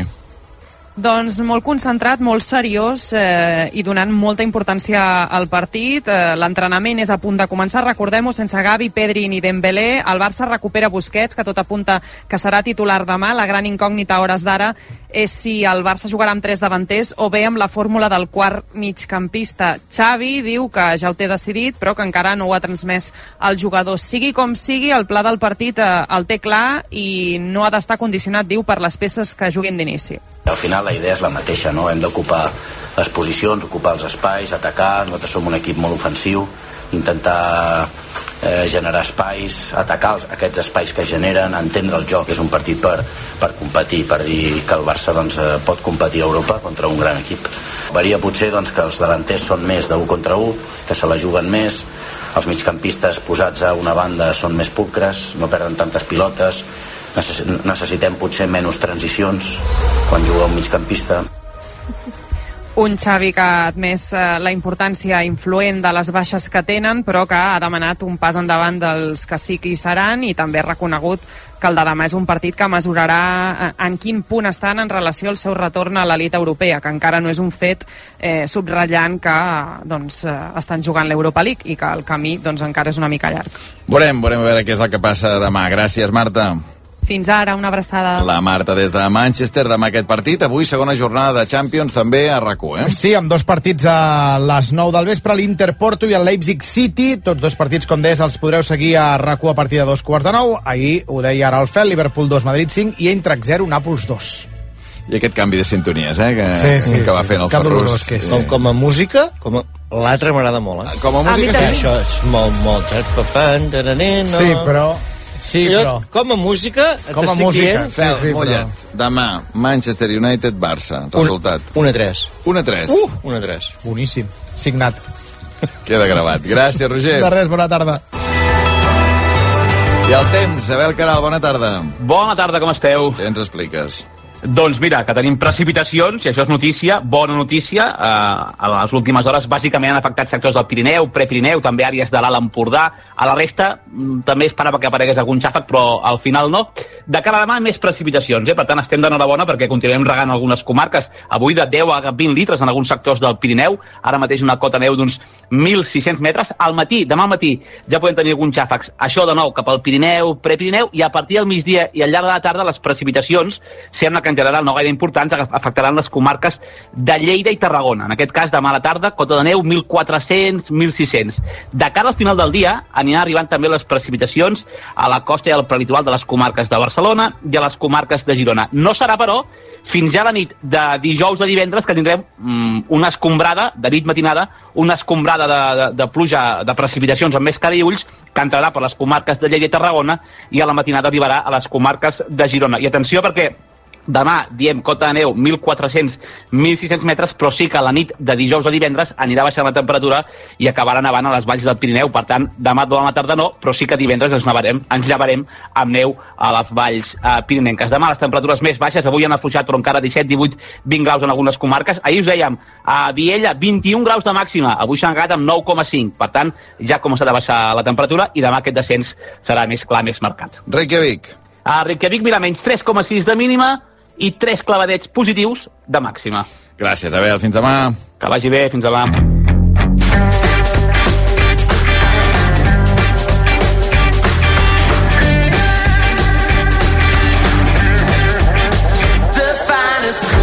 Avui, Fel, no l'has vist que entrava més content, Sí, aquest home? entrat, sí, sí, Eh que sí, sí, sí, l'he vist, eh? Sí. Entrava pum, pum i- Has mirat la cartera, que té una cartera vull dir, que ja... Ja, ja, ja, es, nota, eh? Es nota, es nota. Es nota, es un nota. somriure i dic, hòstia, no sé què passa aquí, però... Doncs ara t'explico què passa. Anem. Pep Martí, bona tarda. Bona tarda. Bona tarda. Mira, sí, ara no facis el seriós, eh, Pep? I, escolta, Tots ho sabem, tots ho sabem. perdona, quarta edició del llibre Sí, noi. Els que manen. Això... Quarta edició. Sí, sí, és un èxit, estem contents, la veritat. No, no ens ho esperàvem. Sí, sí. Està molt bé. Ara, saps, ara fa, saps? Però Eh, això... Aquesta cosa tan catalana, eh? Això... ah, eh, porta així amb una goma com els pollastres, com els pollastres, els bitllets, o com ho No ha fas? per tant, eh? Això no. No, estem molt contents, aquest llibre, que realment val molt la pena, els que manen les 50 famílies que mouen els fils a Catalunya, de l'editorial Saldonar, i mira, escrit juntament el Pep Martí i el Miquel Macià, i que nosaltres anem desgranant setmana a setmana, aquí... Eh, avui qui toca? Doncs avui podríem fer, si us sembla bé, el Sánchez Llibre. M'agrada molt el si us sembla bé. Sí, perquè si perquè ara- si arribes a dir que no, ara què? Ara, ara li diem que no. Sí, sí, sí, no sé. Home, seria una Bueno, situació compromesa, eh? En tens un altre? No, no, vull dir, igual a dins, saps? Ja els porta tots... En, Pep Martí fa pinta això, eh? Que ja els té Sí, sí. tots a casa. Avui s'ha aixecat i ha dit, agafo... Saps? Però en aquesta cartera negra que porta, Sí. jo estic segur que ara li dius, "Mm, tens un altre? Va, avui poder no, eh? Avui poder porta els Clar, feixos de avui- bitllets. avui- avui- Improviso malament, eh? Avui, d'admetre. avui els bitllets, avui els bitllets. No, escolta'm, eh, molt interessant. Eh, dos germans, Dani i Josep Sánchez Llibre, a més a més molt populars, molt coneguts, un per la seva, per, va ser president de l'Espanyol durant molts anys, l'altre tota la carrera política, Unió Democràtica, molts anys diputat al Congrés, ara mateix president de Foment. Eh, deixa'm començar per una pregunta que, que no tinc la resposta i espero que tu la tinguis, eh? A veure. Que potser no és el tema del llibre que parleu, però qui és el gran dels dos? Ah, doncs, eh, mira, el gran dels dos és el Josep, que, si no recordo malament, és del 49, i el Daniel és del 50, es porten un any. Sí, per tant, 73, 72, Exacte. una cosa així, eh? De fet, amb ells, una vegada els hi van preguntar, qui de, aquesta mateixa pregunta, de vosaltres dos qui és el més gran, i van improvisar, perquè tenen una certa vena humorística, un tercer germà inventat. Van dir que el gran era un tal James Sánchez Llibre, un metge que havia fet la seva fortuna als Estats Units a la clínica Mayo. Josep, com estàs? Bueno, jo no sóc en Josep. Oh. Jo sóc el James. Sóc el germà gran de la família Sánchez. Mira! Val a dir que aquesta facècia va fer tanta fortuna que fins i tot va sortir una entrevista eh, un 28 de desembre, val a dir, al diari As, amb aquest James Sánchez Llibre, on Boníssim. criticava bastant els dos germans, em sembla. Boníssim, boníssim. Per tant, un conegut per la política, l'altre conegut pel futbol, però aquí hi ha una empresa potent que és molt popular i que molta gent ha consumit o consumeix els productes que, és, que són conserves d'Ani. Els Dani, sí, sí, No? tant, i tant. Uns músculs boníssims, uns barbaretxos, almejas, carai, tant.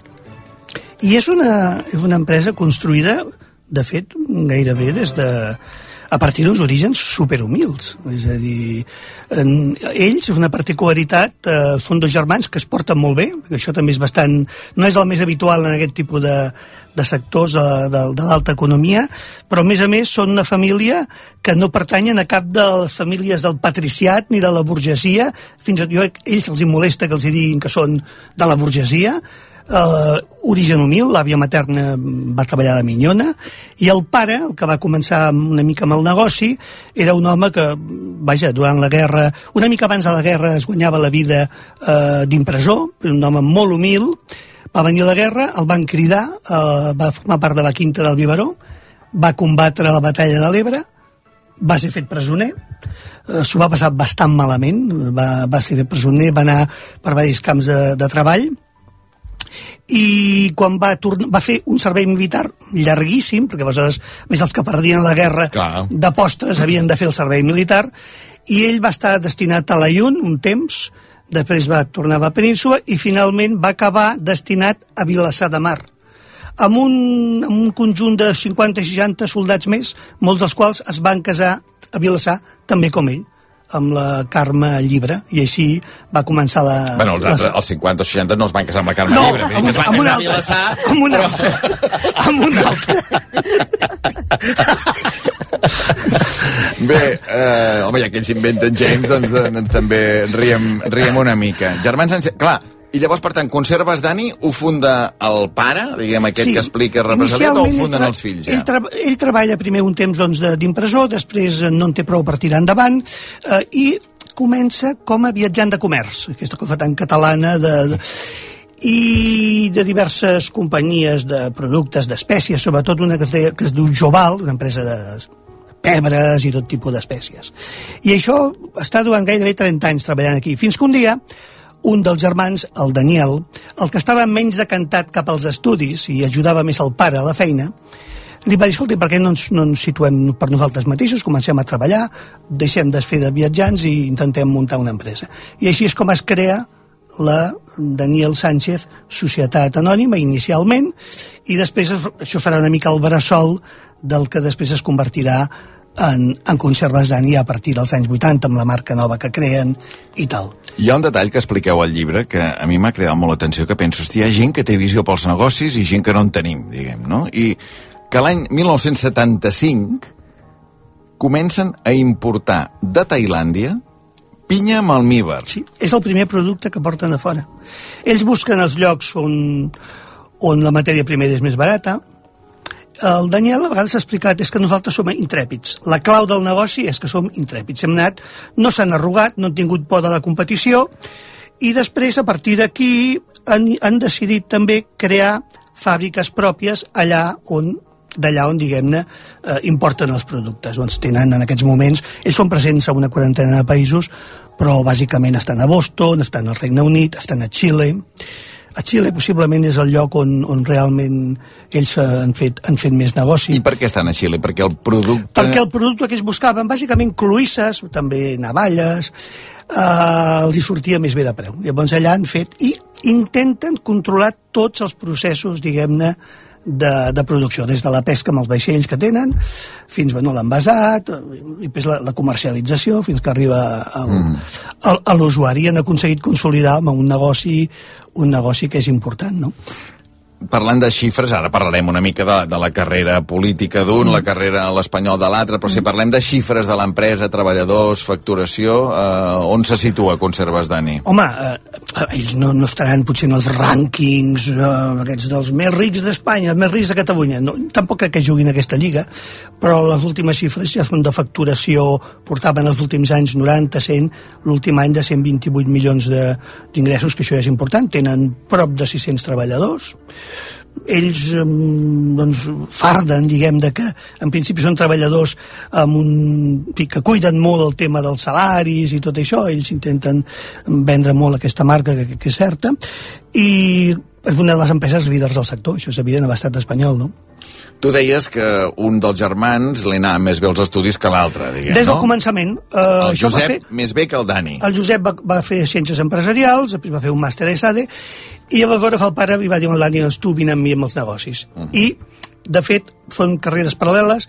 És cert que quan el Dani va assumir la presidència de Conserves Dani, el Josep també hi va estar, i està, és el vicepresident, però el negoci recau, el, el pes del negoci recau, recau amb el Dani. Dani ha fet, ha controlat, diguem el Conserves Dani i l'espanyol, tot i que tota la família són pericos. I el Josep ja Tota va la anar... família són pericos, eh? Bueno, la major part d'ells, Mhm. sí. I, I després el Josep ja va entrar per la via de la política des de, des d'una mica abans de la transició, no? Abans de la transició. Bueno, ell es movia... Ell a la universitat es va polititzar, una universitat molt antifranquista i, i amb predomini de forces d'esquerres. Ell no, no connectava amb aquests sectors més, més a l'esquerra, però amb el neguit polític sí. I es va acostar el que aleshores ja era, doncs, dins de les forces antifranquistes, la, de les més moderades, la democràcia cristiana, la Unió Democràtica, amb l'Anton Canyelles. Quan ja va morir Franco, el primer míting que va ell Però, però l'Anton Canyelles era Unió Democràtica? Inicialment sí. Després va bifurcar el camí quan la democràcia cristiana, que l'any 77 apareixia com una gran força política amb molta potencialitat, va ser vilment derrotada, van tenir només dos diputats a Catalunya, algun al País Bas amb el PNB i la resta de l'Estat cap. Això aquí hi havia figures molt importants, Ruiz Jiménez, Gil Robles, figures històriques. I aleshores l'Anton Canyelles, en vista del poc èxit, es va decantar cap a la UCD. Sánchez Llibre el va seguir aquí, cap a la UCD, i després va fer suarista, sempre amb aquesta àrea centrista. I quan la UCD se'n va anar a fer punyetes, a partir de l'any 82, aleshores ell ja va, va desembocar una altra vegada cap a Unió Democràtica. Primer amb el CDS, en un primer intent que també el CDS va tenir un mal resultat, i després va tornar a Unió. I molts anys, molts anys, eh, com a, diguem, portaveu número 2 de Duran Lleida al Congrés. Pero nosotros, desde Comercianza y Unión, eh, pues le pediríamos pues, que puedan actuar con la máxima rapidez y finalmente poder plantear un plan de modernización del sector del automóvil. Aquí era una intervenció seva al, al Congrés dels Diputats, ara hi ha mil intervencions seves perquè també és una veu important, perquè és el president de Foment a És una persona que s'ha sabut reinventar després de l'ensolciada d'Unió Democràtica. Una, el president Pujol li va dir una vegada no pateixis perquè tu sempre caus dret, no? I de fet és una persona que sempre ha caigut dret, és a dir, que, que en fi, quan el, les experiències centristes de la transició no van anar bé ell va anar cap a Convergència i Unió, quan Unió Democràtica va fer implosió, eh, la major part d'exdirigents d'Unió Democràtica van quedar una mica doncs, sense base política, però ell va veure una oportunitat de lideratge social, que, a diferència de la immensa majoria dels, dels que manen, ells sí volen protagonisme social, no? ells no, no volen la discreció aquesta de, de, de no intervenir, que no es parli d'ells, ells volen que es parli d'ells, volen incidir, i aleshores va veure la possibilitat de fer-se amb el lideratge de foment del treball nacional, l'empresariat català, que va ser una llarga partida d'escacs bastant complexa. Uh -huh.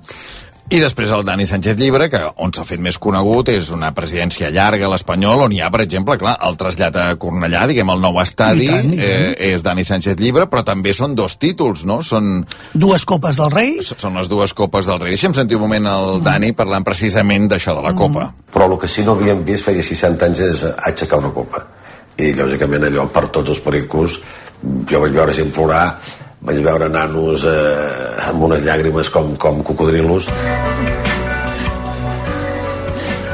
Des del Aquí em 1940... diu, perdona, ara que et sento riure, em diu l'Edo de Batlle, no?, que és el narrador de l'Espanyol a rac diu que, escolta'm, eh, que veure'ls junts, a tots dos, els dos germans, és una experiència divertidíssima, perquè un per l'altre es veu que es retroalimenten, diguem, no? Segurament la vena més divertida li coneixem més potser amb el Dani que amb el Josep, diguem, els que no els hem tractat personalment, però, però l'Edu comenta això, que realment divertit estar amb tots dos. Sí, sí. Eh, home, aquesta copa va ser, va ser realment mítica perquè des de l'any 40 l'Espanyol no, no l'havia guanyat.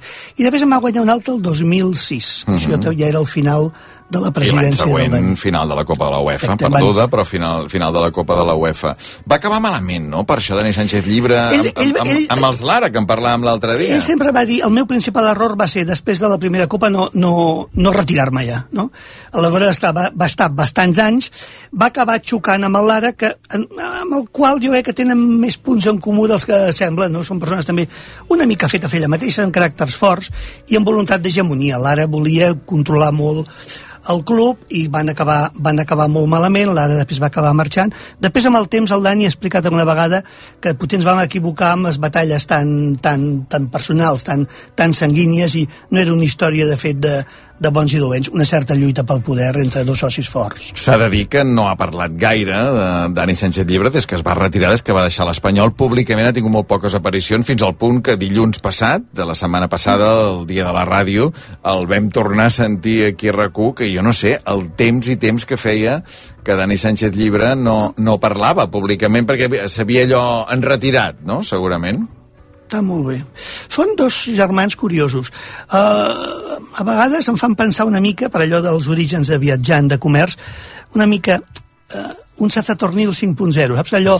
El personatge viatjant de comerç de Mhm. l'Escopeta Nacional, català empàtic, molt pragmàtic, que si ha d'anar a una monteria doncs, per, per obrir negoci, va a una monteria, no? Aquest, aquest perfil jo crec que el tenen bastant. I bastant allunyat, en aquest sentit, de les sagues potser més, més pijas, diríem, dels, dels 50 noms, no?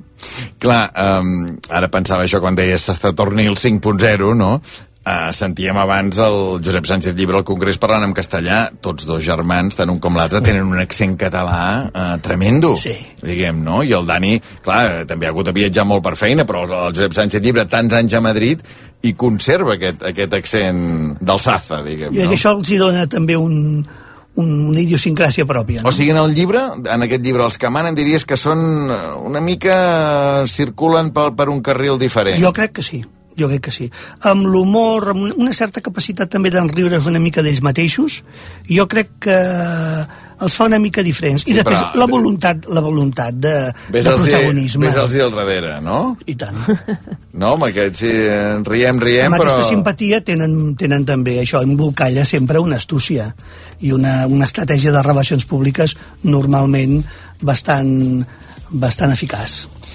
Doncs Pep Martí, els que manen, eh, desgranant setmana a setmana les 50 famílies que mouen el, els fils a Catalunya. Gràcies i enhorabona per aquesta quarta edició. I tant, i tant. I això, ara, per exemple, anem a fotre el vermut, pagues tu, com va això? Com Un altre dia, avui vaig molt just Ja, de temps. ja, però- ja, ja. Just de temps, Sí, sí, sí. hòstia, no, Així no, es no. fan rics. Exacte, exacte. Quan algú d'aquí 20 anys escrigui un altre els que manen, ja hi sortirà. Exacte. Ja hi sortirà el Pep Serà el Martí. primer, el Pep Martí. Ho deixem aquí. Avui Islàndia, Tallanova, Bacallà, Joan Ferrus al control el tècnic Eva Catalán, Mireia Ardèvol, Marc Ferragut, vols estar quiet, Fel, l'estudiant en pràctiques de Martí veritat, Capçada, eh? Maria Xinxó i Alberto. mi no m'agraden. No, no, no, Ara RAC1, nit de Champions. Tornem demà a les 7. Que Bon vagi suar, bé. bon suar. Bon suar. Puc, puc tu. Bon suar. Bon suar, puc tu. M'agrada? I no m'agrada.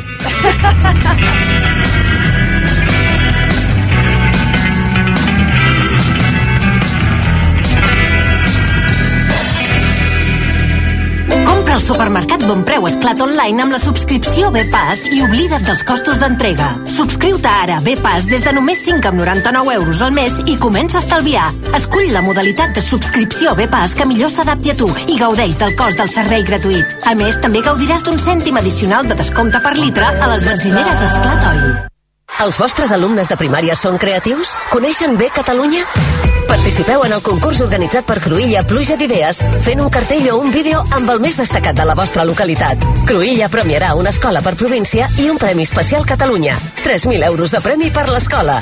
Consulteu les bases al web cruïllacertamenplujadidees.cat Ma, ma, ma, ma, Maset, cellers, Maset. Veig que es recorda de mi, senyor Balcells. A veure si sap per què el truco. Maset i el 12 més 6. Exacte. Ara per la compra de 12 ampolles li regalem 6 més. I directe a casa meva. I enviament de franc. Aprofiti la millor oferta de l'any trucant al 900 200 250 o entrant a maset.cat. Cellers Maset. Directe del celler a casa seva. Necessites un cotxe? Ara, Difi Girona és un dels centres més importants de vehicles d'ocasió. Trobaràs el teu proper cotxe revisat, cuidat i garantit fins l'últim detall a la nau Difi Girona.